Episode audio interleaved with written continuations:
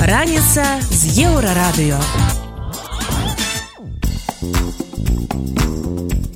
Добрай раніцы вітаем вас на еўрарадыё пачынаем праграму раніцы з еўрарадыё штодзённае шоу пра важныя падзеі якія ўплываюць на жыццё беларусаў. Галоўнае на гэты момант. Колькі грошай трэба для палітычных вязняў? Подумала про вот эти 500 тысяч уехавших и чтобы скинулись по 3 доллара. Я вам хочу сказать что нам этих денег хватит ну примерно месяца на три если бы реально все семьи политзаключенных обратились к нам за помощью.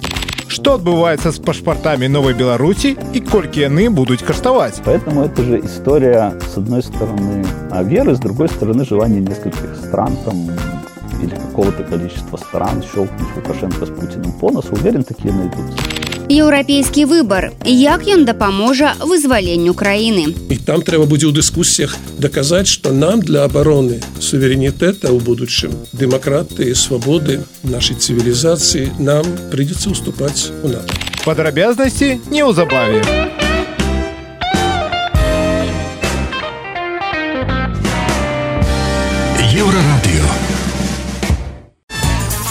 раніца з еўрарадыё калі 500 тысяч з'ехаўшых беларусаў скінуліся па тры долары на дапамогу беларускім палідзняволеным гэтых грошай хапіла б усяго на тры месяцы. Пра гэта заявіла прадстаўніца аб'яднанага пераходнага кабінету па сацыяльных пытаннях ольга гарбунова. Вось чым яна абгрунтоўвае сваё меркаванне. Деньги это животрепещущая тема потому что содержание только лишь одного человека в местах несвободы это ложится огромное огромным тяжким финансовым бременем на плечи семьи.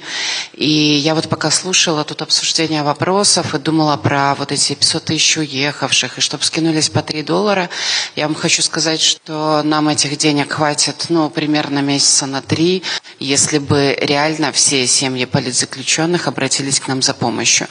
А осенью прошлого года Генпрокуратура сообщила о том, что в Беларуси возбуждено 16 тысяч уголовных дел по политическим мотивам за так называемый экстремизм. 70% из них это в сфере различных там комментариев, фотографий в интернете и так далее. То есть мы э, предполагаем, что полторы тысячи политзаключенных, которые сейчас фигурируют э, в, на сайтах правозащитников от полутора до 1700, это может быть верхушкой айсберга. И на самом деле, даже если бы эти 140 миллионов, про которые вот спрашивает автор вопроса, и пришли, это не, не гарантирует достаточной помощи. На сёння адным з самых эфектыўных спосабаў дапамогі палітвязням стаў марафон салідарнасці, які прайшоў напрыканцы ліпеня. Падчас яго беларусы сабралі 374 тысячи еўра і большасць гэтых грошай ужо дайшлі да сваіх адрасатаў. У кабінеце ўжо анансавалі другі такі марафон. Але як заўважае ольга Грабунова, апроч палітвязняў ёсць яшчэ адна ўразлівая група беларусаў, якая патрабуе дапамогі. Гэта пенсіянеры, якія пакінулі радзіму праз палітычны палітычны пераслед. Часта за мяжой яны застаюцца без грошай. Ці будзе вырашана пытанне іх пенсій. Па словах ольгі гарбуновай яна пакуль не мае адказу, але ў кабінеце ведаюць пра сітуацыю і спрабуюць яе вырашыць. Мы знаем прекрасно о тех проблемах, с которыми сталкиваются пенсионерки и пенсионеры, находящиеся в изгнании. Это на самом деле актуально не только для тех белорусов, которые оказались в Польше, но и оказались в других странах.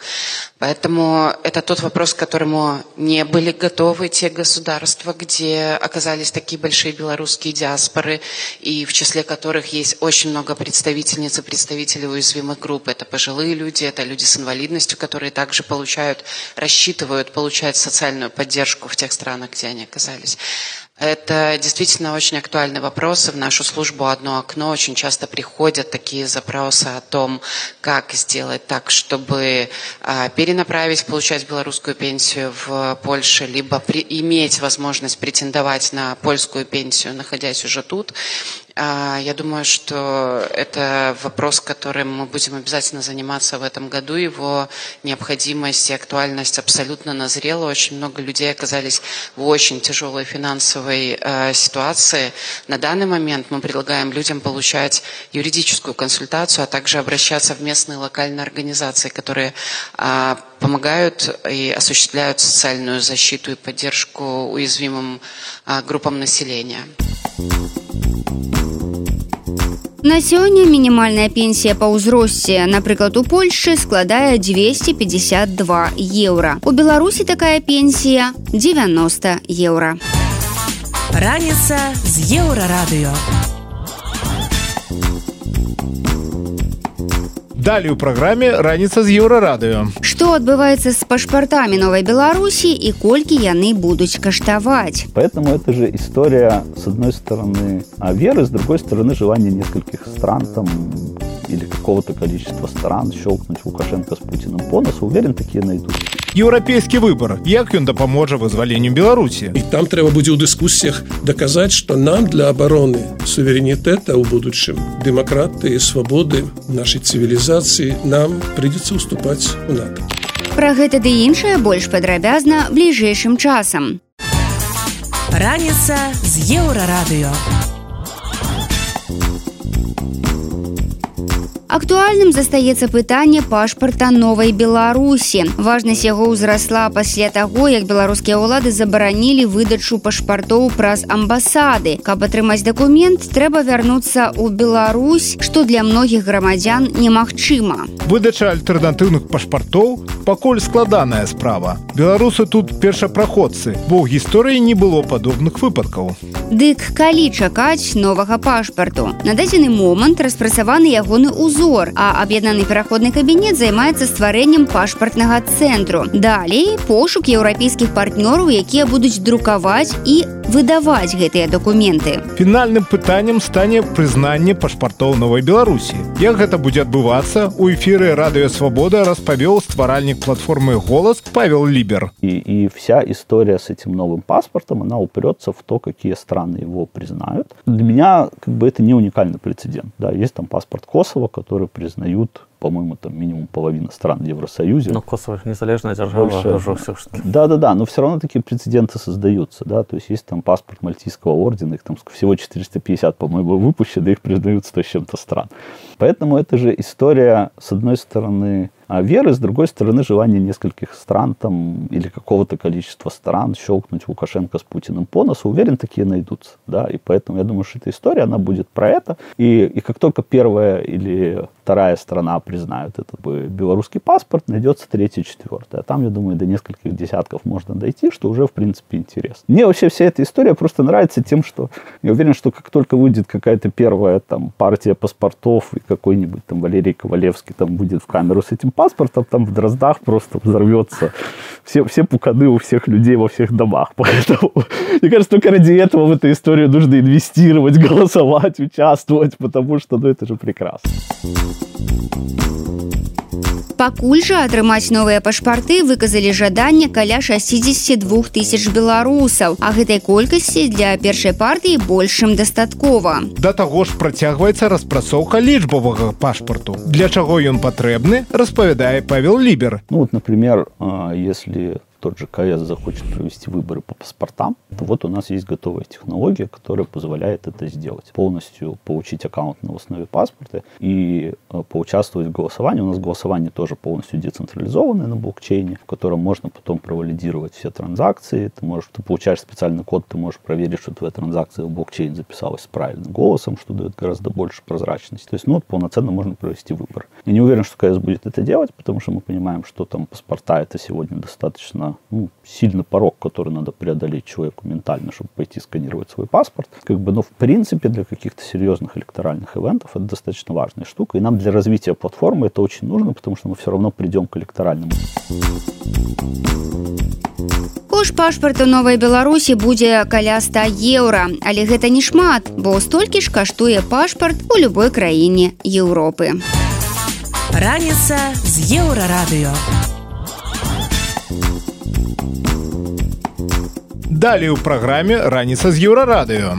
еўрапейскі выбар як ён дапаможа вызваленню беларусі. І там трэба будзе ў дыскусіях даказаць что нам для обороны суверэнітэта ў будучым дэмакраты і свабоды нашай цывілізацыі нам придется уступаць у нато.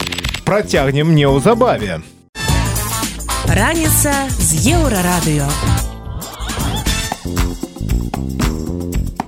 ці пачалася трэцяя сусветная вайна? Так упоўнены александр меленкевич былы кандыдат у прэзідэнты і дарацца Святланы ціхановскай у пытаннях еўрапейскага выбару. Цяпер у беларусі ідзе знішэнне ідэнтычнасці культуры і гісторыі. І гэта таксама вайна са страшнымі наступствамі кажа палітык. Аднак нашыя суседзі распачалі рэальную вайну. Что значыць вайна украіны і рассіі чаму нато варта дапамагаць украіне? І якая роля беларусі ў гэтым гістарычным працэсе. На гэты ды іншыя пытанні Меленкевич распавёў у эфіры еўрарадыё. Размовы вядзе Зміцер Лукашук гэтыя войны калі мы кажам па ўсім свеце яны былі заўсёды нават калі браць апошні вот на найноўшую гісторыю ну по заканчэнні другой сусветнай войны заўсёды ж былі гэтыя войны. То В'етнам то Карея у Афрыцы пастаянна. То есть яна что пастаянна ішла гэтая вайна? То да мы не не звярталі увагу ці не давалі ёй такую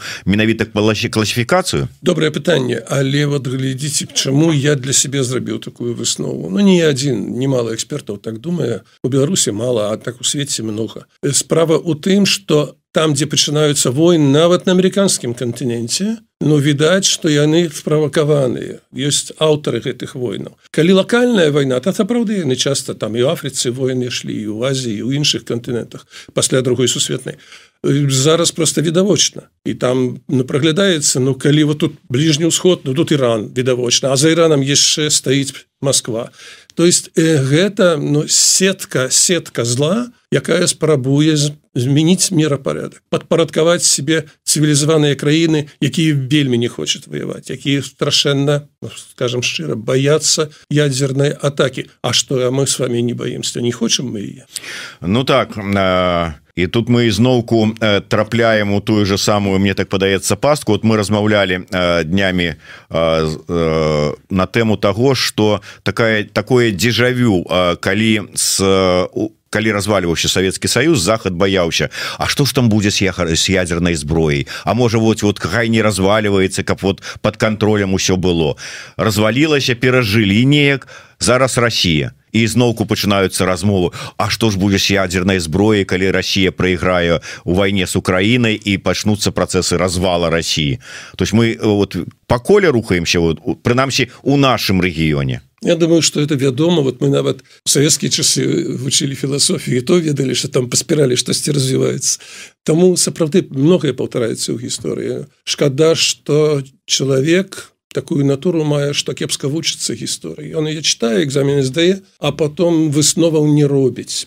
І таму ну сапра, сапраўды сапраўды гэта гэта так ідзе барацьба зла з добром і глядзіце як Беларусь праскалолася. Раскалолася на тую частку людзей якія хочуць нармальна жыць самі выбіраць сабе ўладу предказальную для іх і для дзяцей. Жыць при сапраўдных выборах там дзе у суде можна адстаять сваё право на жыццё по закону. І есть великая частка у эміграцыі зараз выехала. І есть невялікая частка якая падтрымлівае лукашенко по розных прычынах зацікаўлена ці са страху ці просто выгоды пэўныя мае. І таму ну вот Беларусь раскалолася бо мы на межы цывілізацыі это ж цывілізацыйная вайна ну скажем шчыра дыктатур з дэмакратыямі заходнімі і вот мы мы как раз на межы бы частка нас оказалася там дзе добро і куды мы глядзім і хацелі пісці туды адкуль мы прыйшлі мы з Еўропы мы еўрапейцы по паходжанню свайму по культуры по адукацыі по традыцыях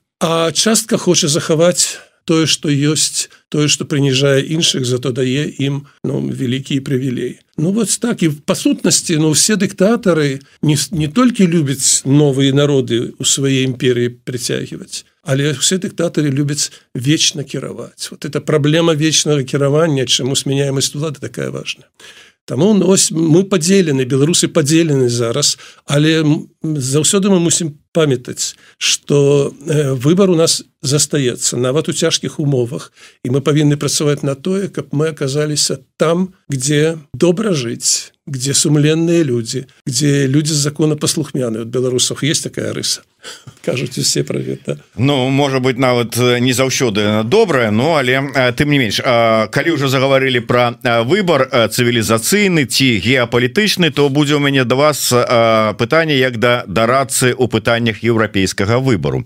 напердадні нового года у мяне было размова с Светланай тихохановскай дзе я сярод іншага дакрануўся і до гэтага пытання геапалітычнага выбору колькі месяцаў тому а было заявлена про тое что нарэшце дэмакратычныя сілы вызначыліся со сваім геапалітычным выборам не прайшло і тры гады як кажуць і сказали наш выбор гэта шлях у Еўропу Еўросаюз і гэтак далей. А, я спытаўся А чаму зрабіўшы гэты першы крок не зрабілі крок другі? Не сказали наконт выбору і НАТО что наш шлях і у НАТО. Той адказ які атрымаў ад тихохановскай тут у скажите шчыра вы подказали ёй менавіта так адказаць на гэтае пытанне? І тады ўжо ўслед будзе да вас пытанне ваше стаўленне да выбора наконт нато я про НАТО много разоў казал там яшчэ ў свае выборы калі ў 2006 годзе удзельнічала якасці кандыдата я не зусім знаю что э, Светлана тихохановская сказала вам это таким чынам ён сказал что не ён напісаў ёй адказ э, не яна сказала, яна сказала так что выбор наконт НАТО гэта не геапалітычны а военный военно-палітычны я подказал военный выбор яны не хочуць пакуль рабіць э, по, по сутнасці нібы фармальна гэта так бо это военный блок мілітар мілітарны але для мяне все ж таки нато это цывілізацыйны выбор как які развяз тому что тыя что у нато яны не для того ствараюць нато каб нападаць а для того каб бараніць сваё жыццё жыццё сваіх краін цэласнасць межаў і так далей. Таму у НАТО калі мы збіраемся ісці да заходняй цывілізацыі еўрапейскай цывілізацыі то у НАТО нам прыйдзецца уступаць інакш мы перестанем існаваць. Это асобая тэма. А, а калі мы калі мы зараз скажем нашим грамадзянам что вось мы за НАТО но яны большасці абсалютна разочаруюцца тому что НАТО гэта бомбы гэта вайна. Вот НАТО виновата что і ва ўкраіне вайна. Шмат людзей так яшчэ думаю у Беларусі у Росіі амаль усе так лічаць.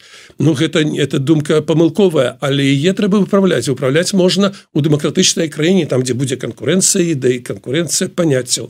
Там і каштоўнасці будуць розныя для розных людзей важныя. І там трэба будзе ў дыскусіях даказаць что нам для обороны суверэнітэта ў будучым дэмакраты свабоды нашай цывілізацыі нам прыйдзецца уступаць у НАТО. Калі яно захаваецца тому что калі НАТО прайграе Росіі вайну і НАТО не будзе і гэта сапраўды так выклік вельмі сур'ёзны. Ну НАТО прайграе вайну ну як мне падабачыцца гэта? Это калі умоўна кажучы Росія акупуе ўсю Еўропу. Тады НАТО у прынцыпе перастане існаваць. НАТО прайграе вайну калі не дапаможа дастаткова Украіне выйграць абсалютна справядлівую вайну за сваё існаванне. Вот давайте увесь час так важно это казаць что па сутнасці тое что адбываецца і ва ўкраіне зараз і у Беларусі это одно і тое ж это экзістэнцыянальнае пытанне будем не будем быть або не быть. Некоторые кажут ну як же глядзіце вот у Беларусі вот лукашенко призначае уладу значит это не оккупация у Беларусі не взрываются бомбы послухайте ну ідзе паўзучая паўзучая анексія Беларусі но хто хто разумее что культура мова і і і традыцыя якая зараз ліквідуецца подчастую нас новят робяць зноў там савецкіх русскіх людзей не ведаю что что гэта ёсць такую дорога да того каб згубіць незалежнасць. А украінствам увогуле сказали что вас няма як нацыі вас не павінна быць як дзяржавы вось будзе вайна і мы гэтага даможемся не вас жа колькі там украінцаў застанецца. То есть Ну давайте читать все ж таки интернет. Путин шчыра сказал что таких наций як Украина и Беларуси нема. Это попсаваныя э, поляками там не ведающие кім нации якія павінны быть просто русским народам Ну и калі такую ставить перед собой мэту? А Россия поставила сённяшняя Россия путиновская Россия такую мэту. Ну так просто мы або застанемся на землі або не застанемся. І тут пытанне вельмі сур'ёзнае Ну нельга просто цешыцца что до нас не дошла крывавая война бываюць войны не менш страшныя без крыві. Цяпер вернемся да Беларусі і абмяркуем з чым дэмакратычныя сілы ўвайшлі ў 24 год. Ці магчыма замяніць ціхановскую і чаму беларусам важна быць адзінымі і як гэта дапаможа захаваць нацыю? Працягваем размову з Александром Меленкевичам Я хочу звярнуцца да вашага багатага палітычнага досведу. І вось з вышыні гэтага досведу як вы як вам бачыцца з чым дэмакратычныя сілы беларус беларускія прыйшлі ў 24 год? У якім стане? С аднаго боку беларускім дэмсілам удалося захаваць свой уплыў у дэмакратычным цывілізаваным свеце. І тое что все разумеюць что Беларусь годная каб мець сваю дзяржаву. Быць дэмакратычнай беларусы хочуць жыць у свабодзе ціхановская сапраўды зрабіла велізарную працу со сваім э, офісам с міністрамі якія вакол яе. Гэта праца велізарная. Притым гэта асноўная праца якую мы сапраўды можемм рабіць. Захад можа стаміцца і ад беларусі так як ён трохі стаміўся ад украінскай войны баяцца адной войны ядзернай а эту не хочуць працягваць эфектыўна. Тое самае з беларусю. І тое ж нам удалось захаваць вот імідж беларусі як краіны якая змагаецца за незалежнасць і свабоду гэта великкае дасягненне дэмакратычных сілаў ціхановскую прымаюць а палова і гаворыць про тое что яна прэзідэнт элект это значит выбралі але прысягу не прайшла гэта таксама дасягненне велізарная Вось э, дасягненне таксама знаете вот это і мы павінны цэніць у сябе і гэта цэняць наши партнёры у цывілізаваным свеце это тое что беларусы не гледзячы на рэпрессии турмы змушаную эміграцыю беларусы актыўныя грамадскія ініцыятывы одну за другой ствараюць старыя дзейнічаюць дзейнічаюць медыа за мяжой. І гэта наше великкае дасягненне. Это показывае что мы готовы змагацца і не не склалі руки ну параўнайце з расійскім змаганнем за дэмакратыю у Росіі Ну это асобная тэма там увогуле. Народ не падтрымлівае дэмакраты а у нас падтрымлівае. Вось. І тое что большасць беларусаў хочуць жыць у свабодзе это таксама великкая справа. Я думаю нам не хапае зараз то что ўжо говорил еще раз полтору э, того что было усведомленне великкай адказнасці кожнага і кожнай арганізацыі э, адзінства это просто не просто інструмент эфектыўнасці адзінства это адзіны шанец на тое что мы самазахаваемся я маю на увазе беларусы як нацыя і беларусы як держава. І вот тут мы павінны ну кожны сам себе справаздачу рабіць ці я раблю на карысць агульнай справе ці задавальняю свои амбіцыі? Вось ну, жадаю жадаю быть начальнікам і вот это вельмі сур'ёзныя праблемы наши застаюцца. Калі прыгадаць вось часы вашага калі вы былі адзіным кандыдатам Ну і пасля выбараў заставаліся таким прадстаўніком адзіным кандыдатам шлі размовы про тое что можа быть трэба вот гэты статус адзінага кандыдата Ну то есть как бы ротацыю такую вот асобы палітыкаў рабіць под гэтым статусам.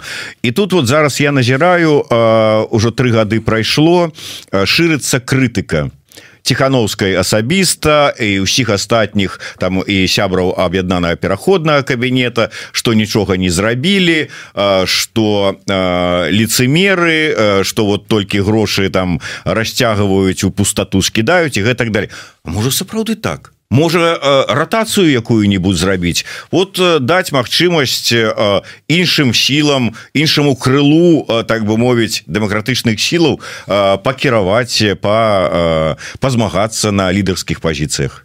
Ратацыя это супер рэч класная і яна ва ўсіх дэмакратыях існуе яна вітаецца яна реалізуецца праз закон. Э, у нас не то что дэмакратыі няма но у нас тоталітарызм у краіне амаль Дарэчы, чаму амаль кажу тому что не хапае толькі ідэалогіі вот у Пуціна есть ідэалогія там уже чысты тоталітарызм по всіх паказчыках у нас яшчэ не до конца але таксама жорсткі тоталітарызм амаль. І калі у нас няма дэмакратыі калі краіна подзелена на две часткі калі вайна ідзе как мы казалі паўзучая это анексія унутры краіны ці магчыма зрабіць ратацыю каб яна была зроблена дэмакратычным спосабам як на захадзе Ну прэзідэнт два тэрміна адбыў і он павінен саступіць у большасці краіну Меркель могла быть доўга тому что она была прэм'ером канцлер это прэм'ер і таму я не бачу увогуле вот шансаў на тое каб у нас до першых дэмакратычных выбораў як-то заменіць ціхановску вот нават тым кто вельмі б хацеў гэта я то не хочу я лічу что яна добра працуе можна рабіць за увагі можна быть чымсьці недовольны але ў цэлым вельмі эфектыўна. І і е ўспрымаюць як чалавека роўнага з роўным лідары самых вялікіх краін ці, ці можем мы зараз новую ціхановскую браць вот некаторы кажуць А вось будут наступным там годзе выборы лукашэнкі сам себе выбере да? І таму уже е паўнамоцтвы сканчаюцца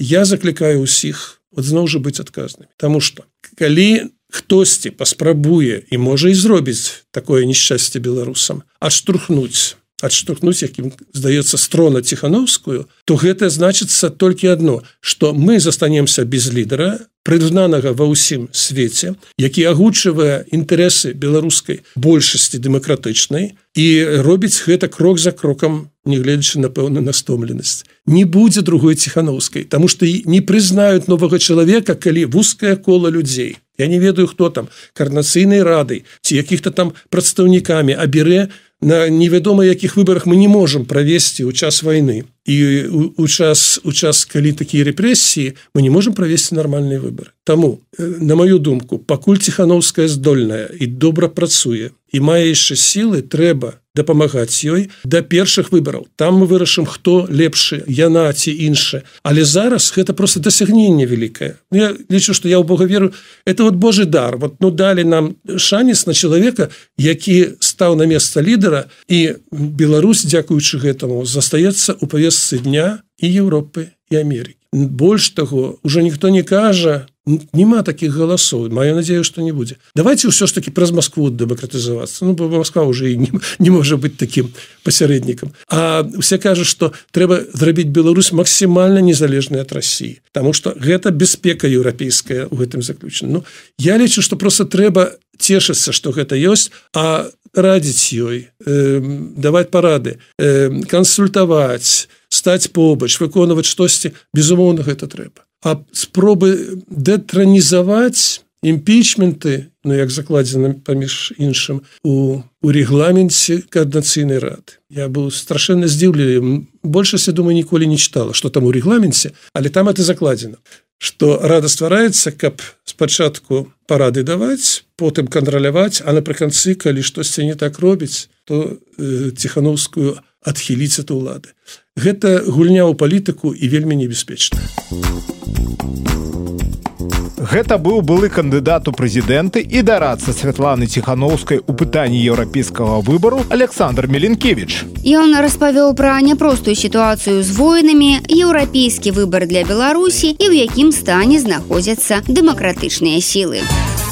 Раніца з еўрарадыё.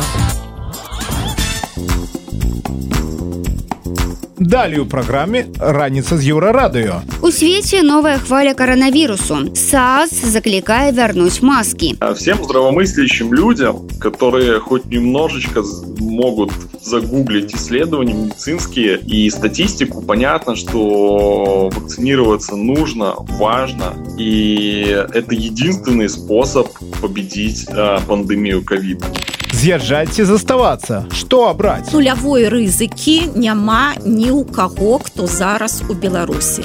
Пра гэта больш падрабязна бліжэйшым часам. Раніца з еўрарадыё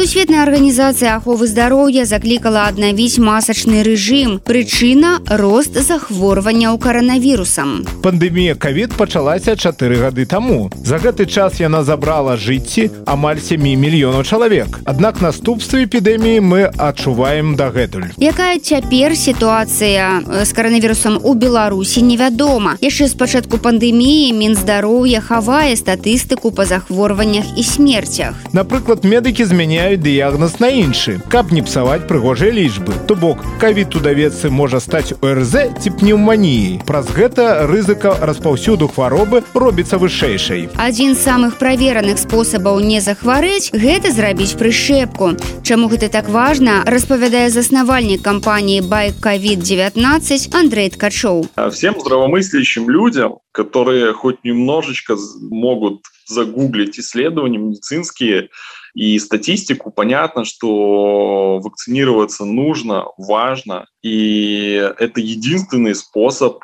победить э, пандемию ковида. Э, в истории, э, в истории человечества это уже не первая и не последняя пандемия, и все они побеждались именно массовой вакцинацией. Поэтому э, мы призываем, и все э, медики, все адекватные медики призывают, во-первых, к обязательному ношению масок в общественных местах, правильному ношению масок. На нос тоже нужно ее натягивать. Угу. Вакцинироваться. Вакцинироваться а, любой доступной вакциной. То есть а, даже когда говорят, что в Беларуси а, нет там хороших вакцин, это не так. В Беларуси есть спутник, и в Беларуси есть Веросел. Это хорошие вакцины, это зарекомендовавшие себя многочисленными исследованиями вакцинами. При этом спутник это вообще очень многие медики считают ее одной из лучших вакцин, а, потому что она дает действительно очень хороший иммунный ответ и высокие титры антител.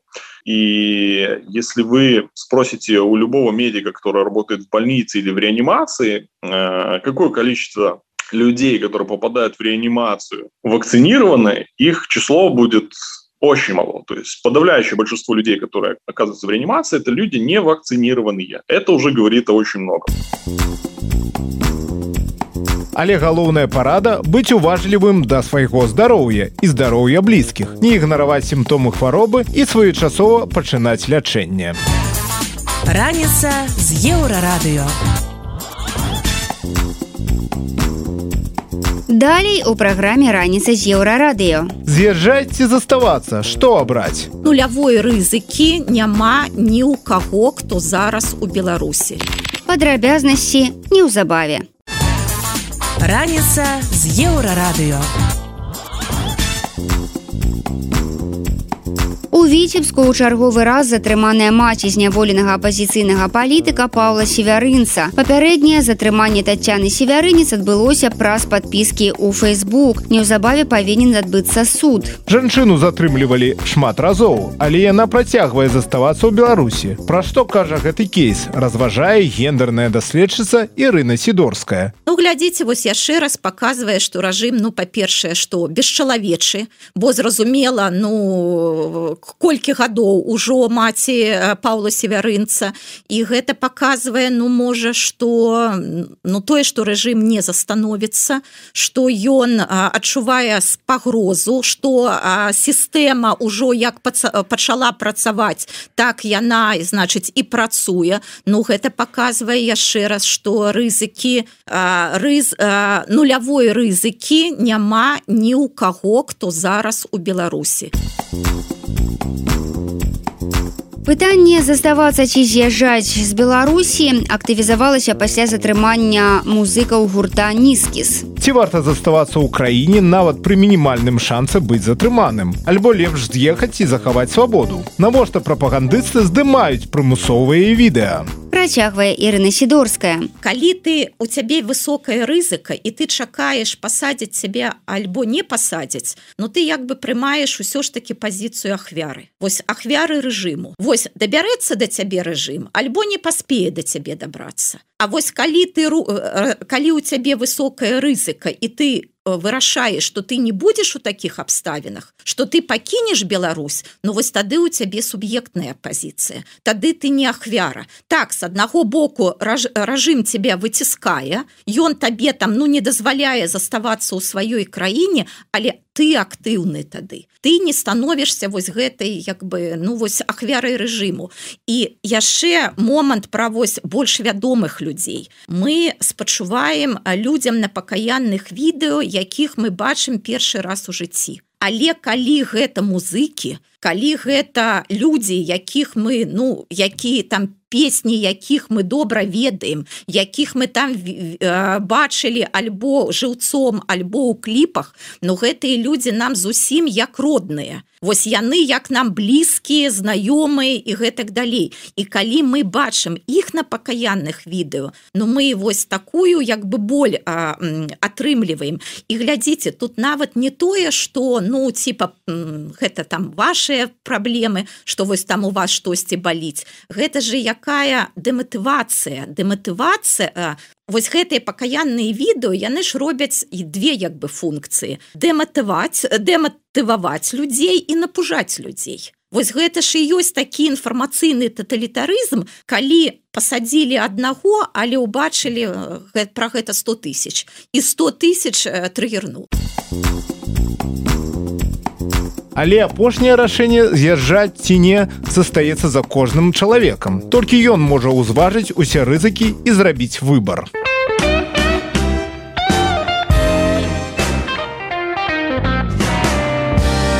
Еўрарадыё. Раніца з еўрарадыё хутка працягнецца. Вас чакае яшчэ шмат цікавага, не пераключайцеся. Раніца з еўрарадыё. Вяртаемся на еўрарадыё і працягваем ранішні эфір. Вы по-ранейшаму слухаеце раніцу з еўрарадыё. Інфармацыйнае шоу пра важныя падзеі, якімі жывуць беларусы і іншы свет. І вось што цікавага мы распавядзем далей. Ці варта заставацца ў Беларусі, калі ёсць рызыка быць затрыманым. І да гэтага выбара прыкладаецца адказнасць яго перад ім самім і перад тымі, хто ад яго залежыць. Навошта рэжым душыць беларусаў усё новымі падаткамі. Не думаю, што бюджет от этого сильно э, выиграет. Як віравала палітычнае жыццё палесся ў 90-е гады. Уся гэтая наша экасістэма, як зараз кажуць, яна была вельмі зразумелай і, і прымальнай для нас. Пра гэтае ды іншае больш падрабязна цягам бліжэйшай гадзіны.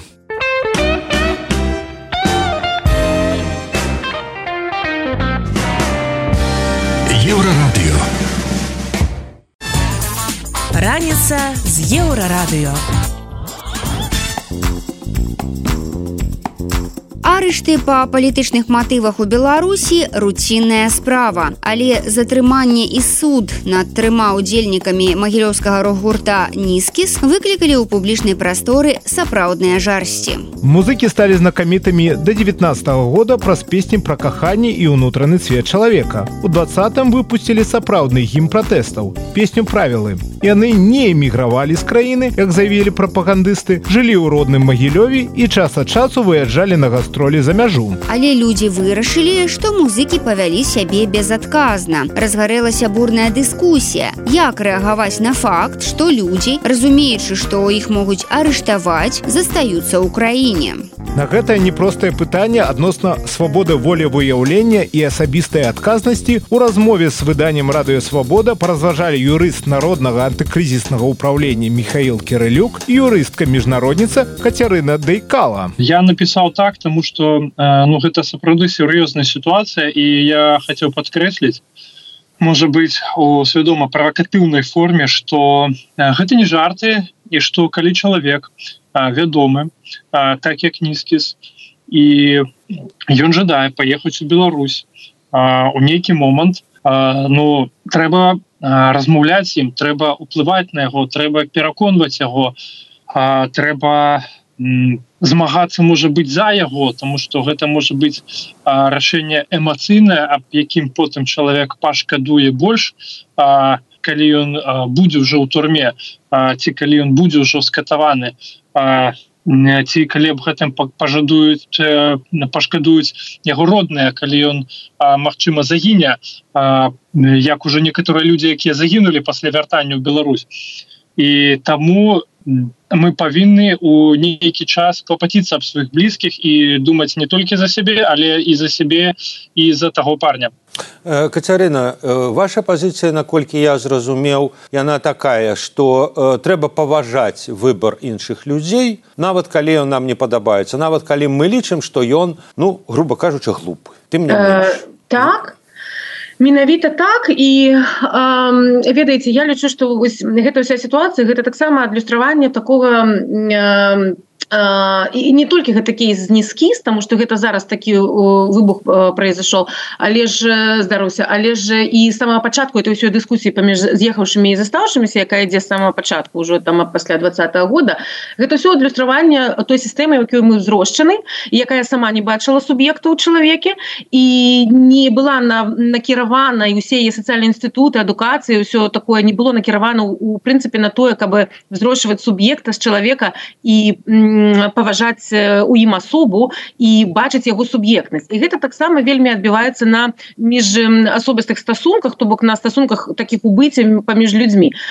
Якім чынам? Таким что нам вельмі цяжка неяк прызвычаецца прыняць тот факт что дарослы дзе здольны чалавек э, мае права рабіць выбор что ему рабіць са сваім жыццём сам. І несці э, гэта абавязкова. Несці адказнасць за гэты выбор перад сабой і перад сваімі блізкімі. Таксама хто ад яго залежыць да? Мы зараз не бярем сістэму коаардынат чалавек дзяржава тому что понятно что ўсё что здараецца з чалавекам у сэнсе там дзяржава парушае яго правы і вінавата ў гэтым дзяржава.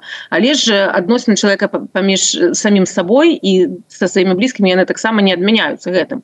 То бок гэта другая другі бок гэта і э, ведаеце і вось гэта небачанне я разумею эмоцыі я разумею эмацыйны такі ну выпад михаила і не толькі яго.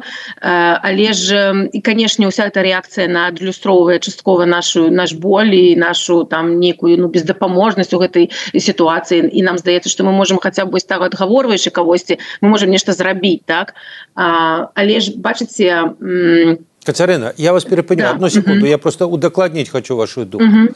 Э, Михаил же сказаў пра дзеянне як бы да таго. То есть яго пазіцыя что так чалавек як бы свядомы разумны але ну вот пушыць чалавека як бы падштурхоўваць чалавека ці наадварот стрымліваць ад крока які як бы аб, аб якім ён можа сам пашкадуе вы лічыце што і гэтага нельга рабіць слухайте ну гэта вельмі залежыць ад сітуацыі. Ведаеце э, то бок і і стрымліваць якім чынам. То бок канешне калі ты лічыш что чалавек ну э, неяк не не не усведамляе ўсіх рызыкаў не не ведаем Мабыць іх ну ёсць і такія э, напэўна людзі э, таксама і не трэба думаць что ўсе ўсё разумеюць. Э, і канешне калі калі, калі ты лічыш неабходным э, ты можаш растлумачыць там чалавеку неяк э, ну намагацца неяк растлумачыць просто яшчэ раз а які ў яго ёсць рызыкі. Але ж э, ведаеце э, павага да чалавека як да асобы яна ў тым ліку э, у тым что ты прызнаеш за ім права зрабіць выбор і несці за яго адказнасць і наступствы. І нават часам часам нават намаганне ўмяшацца ў гэта. Гэта ўжо э, ведаеце неяк э, ну не не замахнатыкальнасць да? Ну так ну калі ведаеце ёсць розныя сітуацыі. Я ж говорю это залежыць вельмі. Мабыць человек вагаецца але напрыклад ну і он просіць свайго там совета да некай парады. Але ж калі чалавек вырашыў да і і цябе кажется гэта нейкім ну ідыёцкім Мабыць рашэннем і, і, і ўсё э, такое. Але ж ну э, паважаю ім асобу і разумееш што ён дарослы дзеяздольны чалавек і ён мае права сваё жыццё ладзіць так як ён вырашыў гаворачы пра праблему з'язджаць ці заставацца варта мець на ўвазе што у людзей могуць быць розныя абставіны у некага ў беларусі хворыя блізкія якіх нельга пакінуць у самоце у некага душа патрабуе не магу жыць за мяжой і ўсё і ў такой сітуацыі пазіцыя асуджэння выглядае недарэчна нібы крытыканы ведаюць чужую сітуацыю лепей чым сваю ці варта тады крытыкаваць працягваюць михаил кирылюк і кацярына даікала Магчыма будзе балюча зараз трэба не ездзіць за мяжу і не працягваць даваць канцэрты. Тады трэба ну неяк мяняць сваё жыццё так бы калі ты там глядзіш за смяртэльна хворым чалавекам які якому ніхто не можа дапамагчы акрамя цябе мы разглядаем гэту гіпатэтычную сітуацыю. Ну тады трэба перадаць сцяг змагання камусьці яшчэ да бо калі тебе пасадзіць у турму як ці стане лепш таму чалавеку якіму быццам бы ніхто не можа дапамагчы акрамя цябе да? А, я вядома разумею что 99соткаў людзей там 90соткаў людзей не могуць з'ехаць беларусія ніколі да?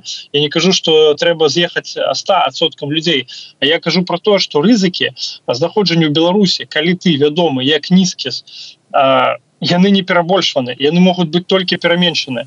Дык вось я кажу про тую сітуацыю якую жыў лявон вольскі. Он рассказываю про вельмі небяспечную ситуацию якую люди усведомляюць як бяспечную. Калі ты живешь у беларусі нікуды не выходишь на конспиратыўныя кватэры і з'язджаеш э, за мяжу перыядычна даеш канцэрты і вяртаешься ў Беларусь. І гэта вельмі дрэнны сцэнар я гэта нікому не рэкамендую. І мне пасля публікацыю в фейсбук яшчэ 23 чалавека написали А вось яшчэ ёсць э, э, музыка такі і там умоўно кажучы Івано Петров сидору якія робяць тое самае ну, я. Михаил давайте зададим слово дадим слово кацярыне А, ну вось вы э, гаворыце пра левона вольскага ну так гэта яго кейс яго асэнсаванне і яго выбор безумоўна ніхто не гаворыць что бяспечна жыць у беларусі. Увогуле давайте развядзем. Прысутнасць рызыкаў і з ёй ніхто увогуле не спрачаецца. Канешне рызыкі ёсць яны вялікія і ўсё. Я говорю об іншым. Я говорю о тым аб тым что такое калі калі ты не бачыш у чалавеке суб'екта і вось на мой погляд тое михаил зараз что вы гаворыце да а, надо аддаць сцяг змагання ты павінен зрабіць тады так. Гэта значыць что ты гаворыш чалавеку. Ты не здольны рабіць адэкватны выбор ты просто не здольна рабіць асэнсаваны адэкватны выбор і мы зробім яго за цябе канешне фізічна вы не зробіце за яго человеку ўсё роўна зробіць сам что зробіць але ж нават калі ну такі посыл да да асобы ён ведаеце гэта таксама э, э, ну вы гаворыце чалавеку як бы что ты не такі як я. Я ведаю а ты не ведаеш і ты не здольна рабіць асэнсаваны выбор Таму что ты не ведаю дурны там ці не разумееш до конца ці увогуле але ж па-першае ведаеце чалавек калі прымае нейкія рашэнні аб сваім жыцці ён у галаве мае э, нешта да нейкія свае э, там асэнсаванні нейкія свае прычыны нейкія свае думкі. Ён увогуле не павінен на іх нікому распавядаць як я писала на ўвесь свет каб вы выносілі там яму нейкі прысудцы гэта бяспечніца небяспечна. У тебя ёсць лежачыя? А ну тады ясна чаго ты не можаш. Але ж тады ты патрэ трэба аддаць знамя там перазмагання А у тебя няма нікога і бізнеса няма ну так а что тогда не з'язджаешь непонятно слухайте ну не павінна вам было быць усё зразумела. Кожны чалавек свой свой космос Катерина. І так. я перепыню А вот ведаеце ну, подтверждение як бы аргументация э, михаила як я разумею. Ну вот хворы человек скажем близкий человек. Но калі тебя посадят ему что будзе лепш тому человеку? Калі умоўно кажучы тебя посадят то этот же человек там хворы які ледзь можа подняться ці нейкія іншыя они ж на них же ляжа цяжар э, носить ну, табе перадачи платить адвокатам. Так. Мачыма калісьці там стрижаку будзе за задача тебя там выцарапывать. Ну вот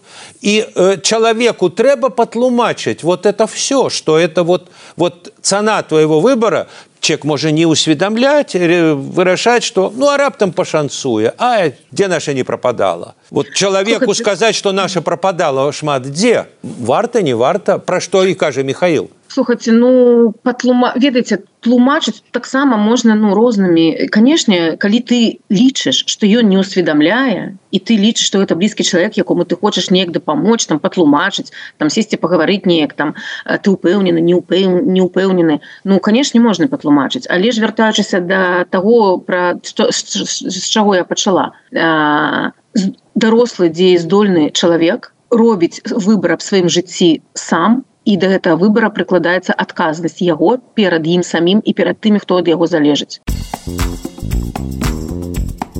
З намі былі юрысты кацярына дайкала і михаил кірылюк. Яны паразважалі наконт затрымання магілёўскага гурта нізкіс і адказнасці людзей якія рызыкуюць уласным жыццём застаючыся жыць у беларусі.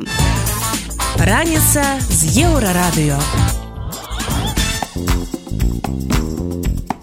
далей у праграме раніца з еўрарадыё навошта рэжым душыць беларусаў усё новымі падаткамі Я думаю что бюджет от этого сильно э, выиграет. Як веравала палітычнае жыццё па лесе ў 90-е гады? Уся гэтая наша экасістэма як зараз кажуць яна была вельмі зразумелай і і прымальнай для нас. Працягнем пасля навінаў спорту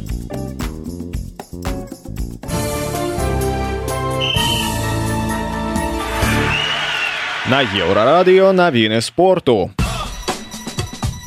У беларускай хакейнай экстралізе шахцёр атрымаў чарговую перамогу. Брэст быў абыграны з лікам 4-1. У салігорцаў 66 ачкоў, у віцебска на два ачкі менш. На лёд вярнуўся беларускі абаронца арызоны ўладзіслаў калячонак, які не гуляў з канца восені. Ён атрымаў траўму ўжо ў сваім дэбютным паядынку ў чэмпіянаце НХл супраць вегаса. Цяпер жа калячонак пачаў трэніравацца з камандай піша прэсбол. Александра Сасновіч выбыла з турніру ў Аделаідзе ўжо ў адной 16 фіналу. Яна саступіла амерыканцы Тейлор Таунсенд у двух сетах 3667. Яшчэ адна беларуская тэнісістка Юлія Гатаўко не прабілася ў асноўную сетку адкрытага чэмпіянату Аўстраліі. Яна прайграла ўжо ў першы паядынак адбору. Артём Чалядзінскі стаў галоўным трэнерам футбольнага клуба Мінск. Пагадненне 46гадовым беларускім спецыялістам разлічана на адзін год. Чалядзінскі быў галоўным трэнерам мінскага дынама. Летась ён працаваў у дынамаўскай акадэміі. Ва ўзросце 78 гадоў памёр легендарны нямецкі футбаліст і трэнер Франц Бекенбауэр. Ён лічыцца адным з найлепшых абаронцаў два стагоддзя. Гэта былі навіны спорту, заставайцеся на еўрарадыё. Раніца з еўрарадыё.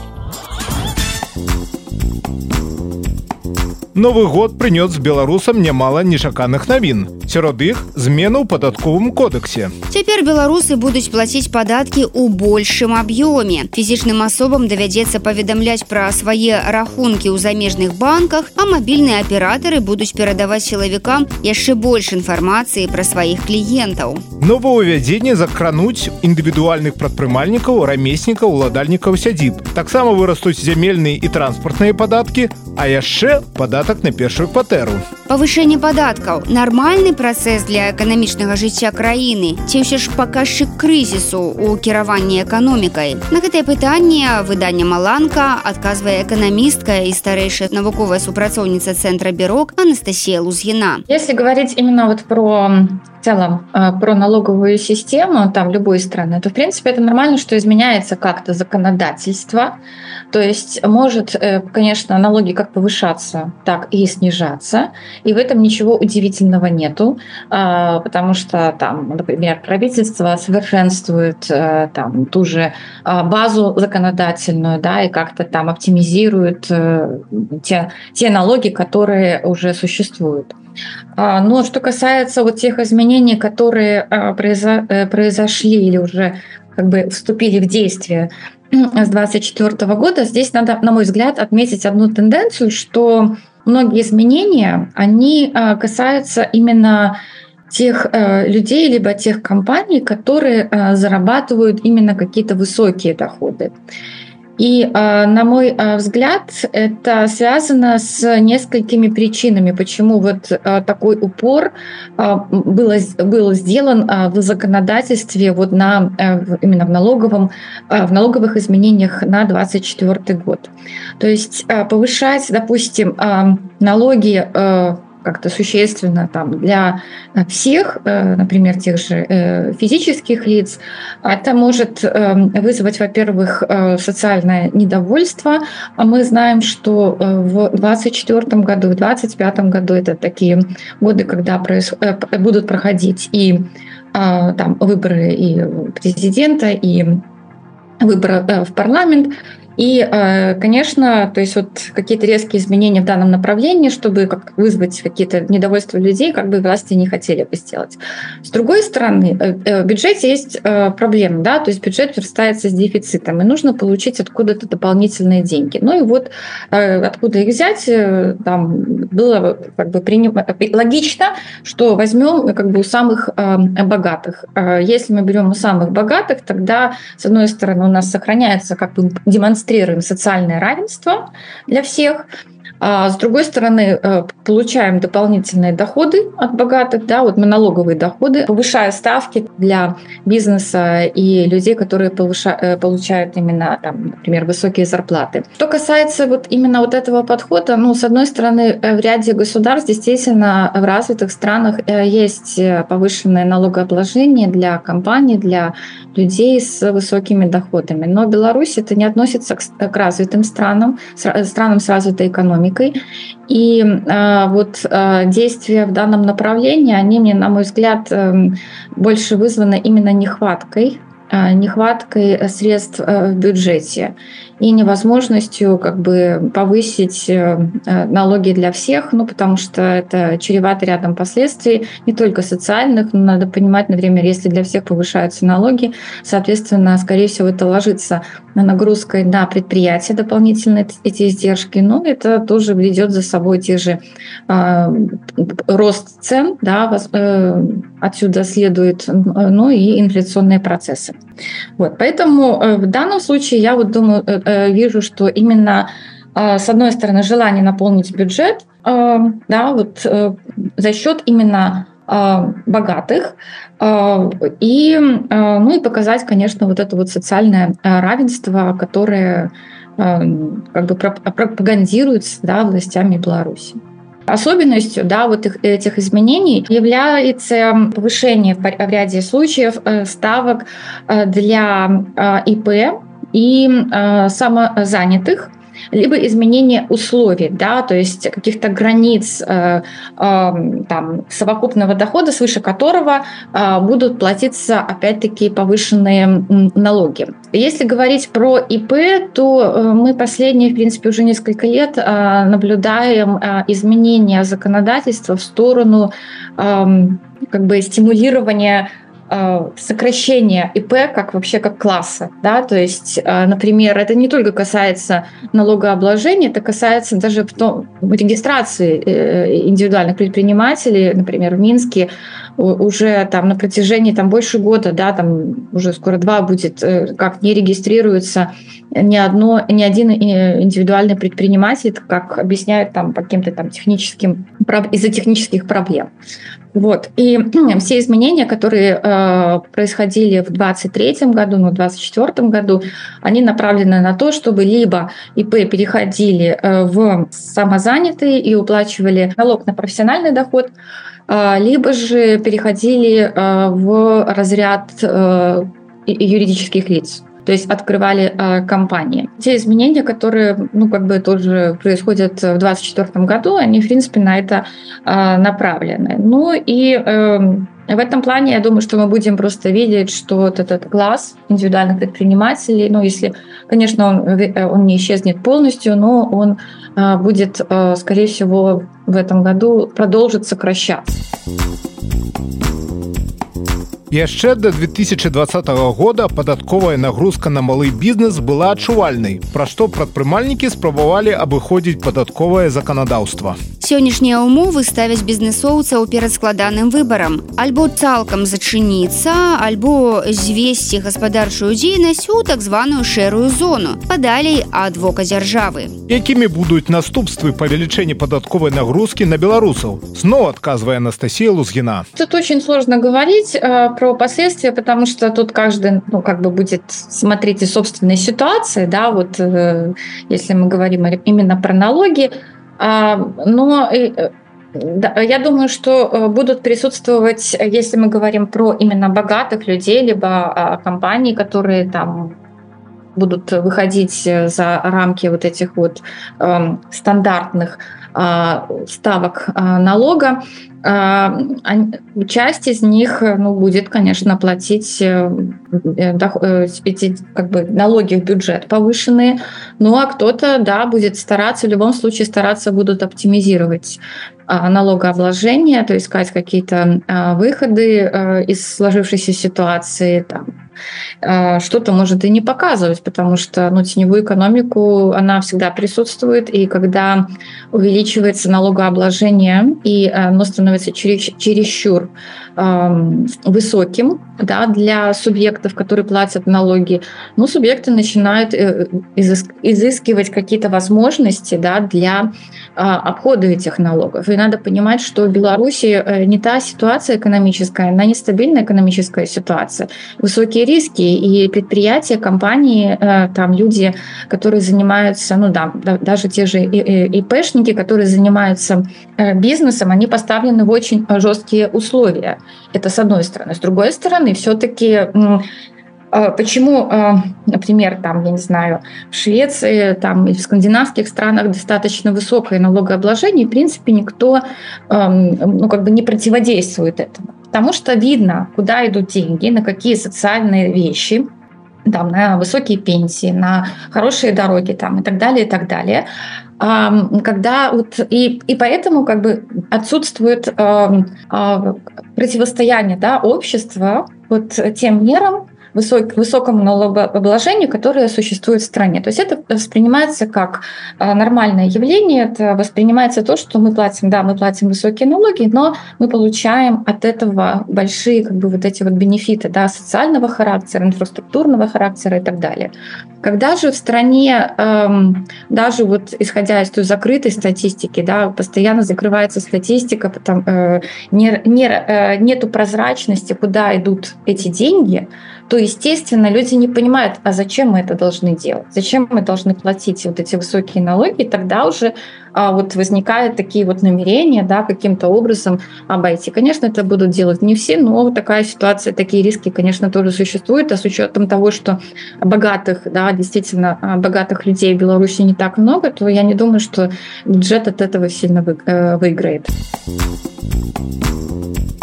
З намі была Анастасія Лузгіна, эканамістка і старэйшая навуковая супрацоўніца цэнтра бюрок. Яна распавяла, навошта рэжым усё болей павышае падаткі ў Беларусі і да якіх наступстваў такая палітыка можа прывесці.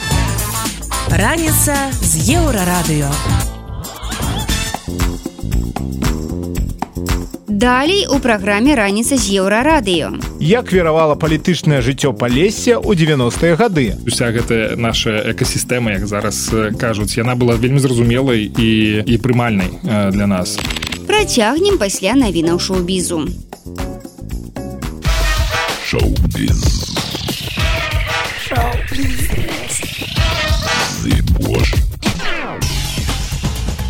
Навіны шоу-бізу на еўрарадыё.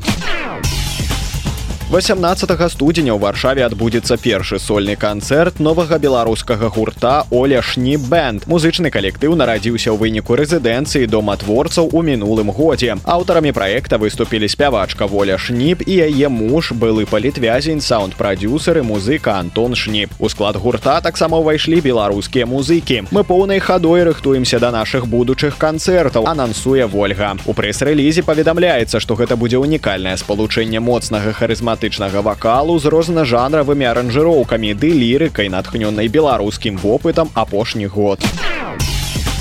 Дама Мэгі Сміт не мае ўзросту. З такім загалоўкам выйшаў вялікі артыкул у італьянскім выданні Роулінг Стоун. Актрыса Мэгі Сміт, якой амаль 90 гадоў па-ранейшаму не старэ ў сваёй доўгатэрміновай кар'еры, пачынаючы ад вядомай стужкі гак і да знакамітых Гары Потара і абацтва Даунтан. З дзвюма прэміямі Оскар і намінацыі на прэмію Бафта яна з'яўляецца знакавай асобай Галівуду і англійскага кіно. Нягледзячы на тое, што Сміт змагалася з ракам малочнай залозы падчас працы над Гары гары поттерам яна працягвала здымацца. Ролей вайлет кроулі ў абадстве даунтан актрыса дадала яшчэ адзін дыямант у сваю кінематаграфічную калекцыю. Аўтары падкрэсліваюць што сміт вытанчана пазбягала скандалаў і сур'ёзнай крытыкі заслужыўшы тытул дама ад каралевы лізаветы. а ізраільскі акцёр і музыка зорка серыяла фаўда і дан амедзі атрымаў цяжкае раненне падчас аперацыі супраць баевікоў хамас у сектары газа ізраільскія сМ паведамляюць што яго даставілі самалётам у лякарню. Там медыкі выдалілі аскепкі з цела акцёра. Бацька амедзі расказаў журналістам што зараз жыццю яго сына нічога не пагражае. І дан у першыя дні вайны вырашыў добраахвотна ўдзельнічаць у аперацыі супраць баевікоў. Я заклікаю палітыка ў сродкі масавай інфармацыі і ўсіх астатніх. Калі вам няма чаго чаго сказаць добрага просто трымайце рот на замку. Народ Ізраіля жывы заявіў раней акцёр выданню таймс of Ізраэль калядны канцэрт вольнага хора пройдзе ў вроцлаўскай катедры святого Яна хрысціцеля 12 студзеня паведамляе рэформбай падчас імпрэзы можна будзе пачуць сапраўдную беларускую дуду і калядную гісторыю паводле казкі пра тое як святого міколу забаранялі у выкананні беларускіх акцёраў а таксама святочныя песні вольнага хору і вольнага аркестра. Гэта былі навіны шоу-бізу. Заставайцеся на еўрарадыё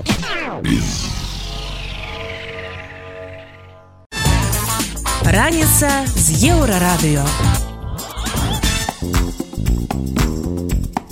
У новым годзе еўрарадыё зноў вяртаецца да традыцыйнай палескай рубрыкі. Наш сённяшні госць палітык Валер Кавалеўскі, прадстаўнік кабінету Святланы Ціханаўскай па замежных справах. Шмат хто ведае валерыя па ўдалай палітычнай кар'еры, але мала хто здагадваецца, што ён сапраўдны паляшук. Палітык нарадзіўся ў вёсцы беражное столенскага раёна. І гаворка з ім пойдзе пра палітычнае жыццё палеся, грамадскі настрою палешукоў і іх стаўленне да рэжыма Лукашэнкі думкі паслухаем размову. Я лічаць ну некаторыя дакладней лічаць што палесе гэта Украіна так? Што вось гэтыя наши ўсе палескія гаворкі гэта насамрэч дыялект украінскай мовы так? І што палешукі гэта ўвогуле украінская меншасць. Вось што не так з гэтымі аргументамі? Як вы іх аспрэчыце Ну найперш я скажу что тут я буду разважаць не як эксперт не як гісторык ці этнограф а як паляшук як чалавек які жыў тым асяроддзі і які можа глядзець на гэту сітуацыю менавіта адтуль з, з месца падзей ніхто там сябе з украінай не асацыяваў наша мова яна асаблівая паляшуцкая мова. І конечно там шмат дыялектаў шмат нейкіх розніц нават паміж суседнімі вёскамі А, але мы заўсёды сябе асацыявалі менавіта з беларусю э, так мы разумелі што размаўляем на сваёй мове што у нас ёсць нейкі статус асаблівы паляшукоў хоць ніхто толкам не мог патлумачыць што гэта азначае все равно саміх так паляшукі ды паляшукі але э, стаўленне да ўкраіны заўсёды было як да суседняй краіны да суседняга народа. Э, у нас вельмі шмат разам з тым трэба адзначыць што шмат падабенства было можа не ў мове але у культуры. Кухня вельмі падобная на вяселлях спяваюць украінскія песні і беларускія так канешне таксама але мікс такі мікс але ён падаваўся заўсёды здаровым і правільным і і да месца то бок это не было навязана это было ўсё вельмі арганічна а калі вы памятаеце напрыканцы там 80-х пачатак 90-х так быў такі аўтаномны палескі рух вось там у нас на палесе ён называўся божачкі полісе так і называўся так. І вось там быў такі мікола шляггович і яны выступалі за такое нейкае аддзяленне палескага рэгіёна прынамсі вось брэскай вобласці вось гэтай нашага поўдня так ад беларусі. Яны там спрабавалі давесці што ёсць адмысловая палеская мікра мова што е трэба уключыць у э, шэраг усходнееўрапейскіх моваў так э, і і гэтак далей. Э, чаму але ну як бы не было такога што палюшкам хочацца гэтай аўтаноміі Праўда? Ну вось як вы лічыце чаму гэты рух праваліўся? Таму што ну пальшкі занятыя проста праца ім не да гэтага ці проста яны абыякавыя да сваёй гісторыі напрыклад ці нема вось гэтых нейкіх таких ну не ведаю сепарацкіх настрояў? Ну сапраўды менавіта сепарацкіх таких настрояў не было. Людзі сябе асацыявалі менавіта з беларускай нацыяй для нас была сталіца мінск там сталіца нашай вобласці брест берасці і наш наш маленькі раён хаця насамрэч ён адзін з найбольш з найвялікшых столен давід гарадок вось уся гэтая наша экасістэма як зараз кажуць яна была вельмі зразумелай і і прымальнай для нас. То бок такія ідэі яны просто ну не не ніяк не рэзанировали сярод людзей людзі это не абмяркоўвалі людзям это было не цікава Таму я думаю что ніякіх перспектыў гэта проекта не было і не будзе я дарэчы такое чула что э, вось гэты проект ён быў пра маскоўскім тому что э, каб паслабіць вось гэтыя нацыянальныя рухі і украінскі і беларускія ну каб сутыкнуць гэтых две нацыі магло такое быць Я думаю что шмат таких проектаў было якіх якія можна прывязаць да крамля для да Москвы да іх нейкіх тэмаў. Бо іх палітыка такая падзяляе і уладар яна класічная яна спрацоўвае часам. Але цікава што на выборах 94 -го года на першых прэзідэнцкіх выборах 94 -го года зену пазняк набраў большасць галасоў здаецца у столінскім раёне. То бок былі вельмі вельмі моцныя пазіцыі. Там гэта рэзаніравала там гэта было цікава там гэта было прымальна. І я со свайго боку я галасаваў тады за станіслава шушкевича для мяне это это былі мои першыя і апошнія дэмакратычныя выборы ў беларусі але я б сказаў что там былі вельмі нармальныя беларускія настроі нават не пра беларускія тому что ну як бы ты ты не можаш і не хочаш выбіраць ты беларус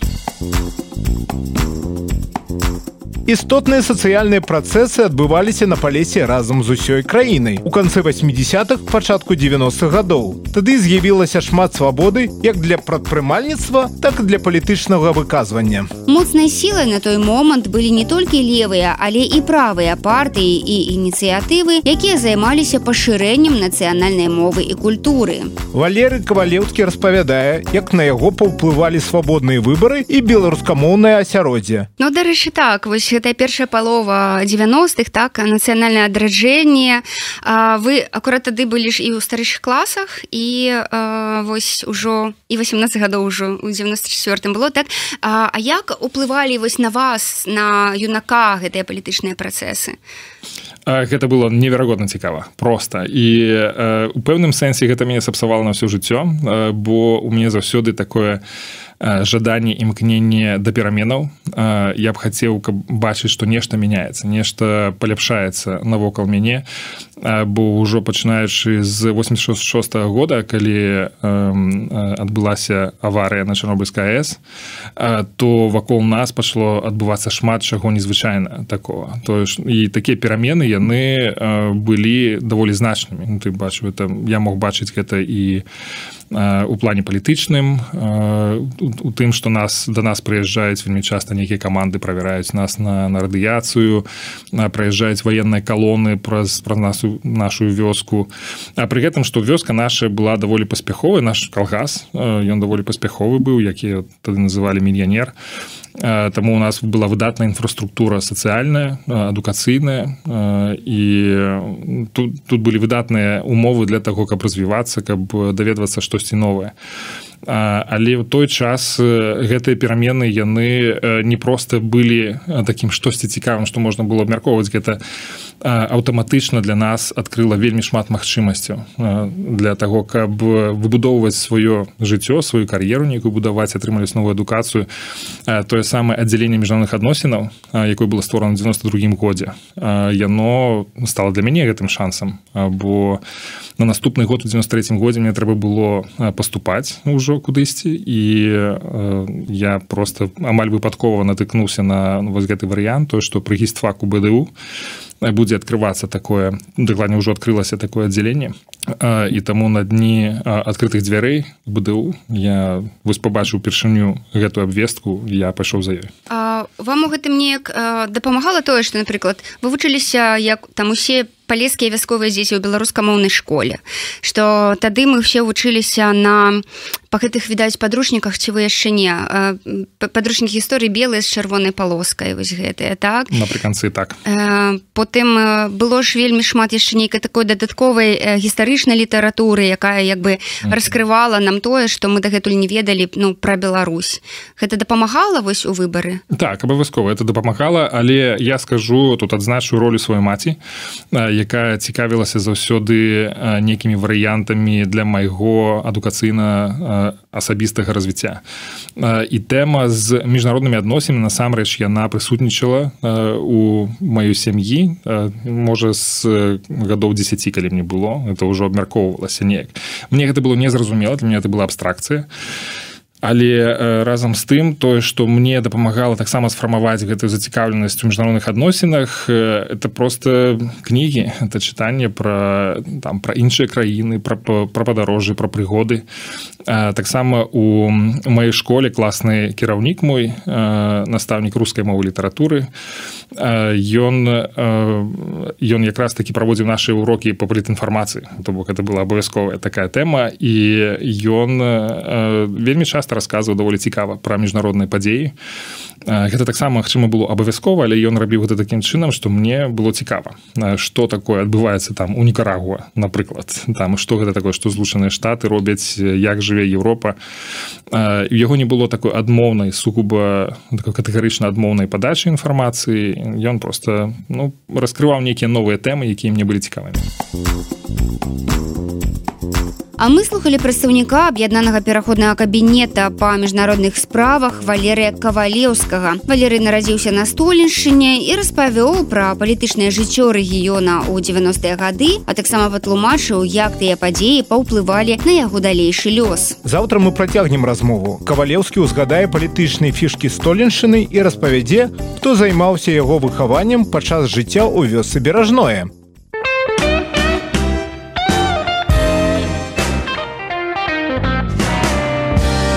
еўрарадыё Гэта былі самыя важныя навіны і сэнсы раніцы з еўрарадыё. Заўтра ранкам мы распавядзем вам пра галоўнае, што адбываецца ў краіне і свеце. Сустракаемся ў той жа час у тым жа месцы. Беражыце сябе.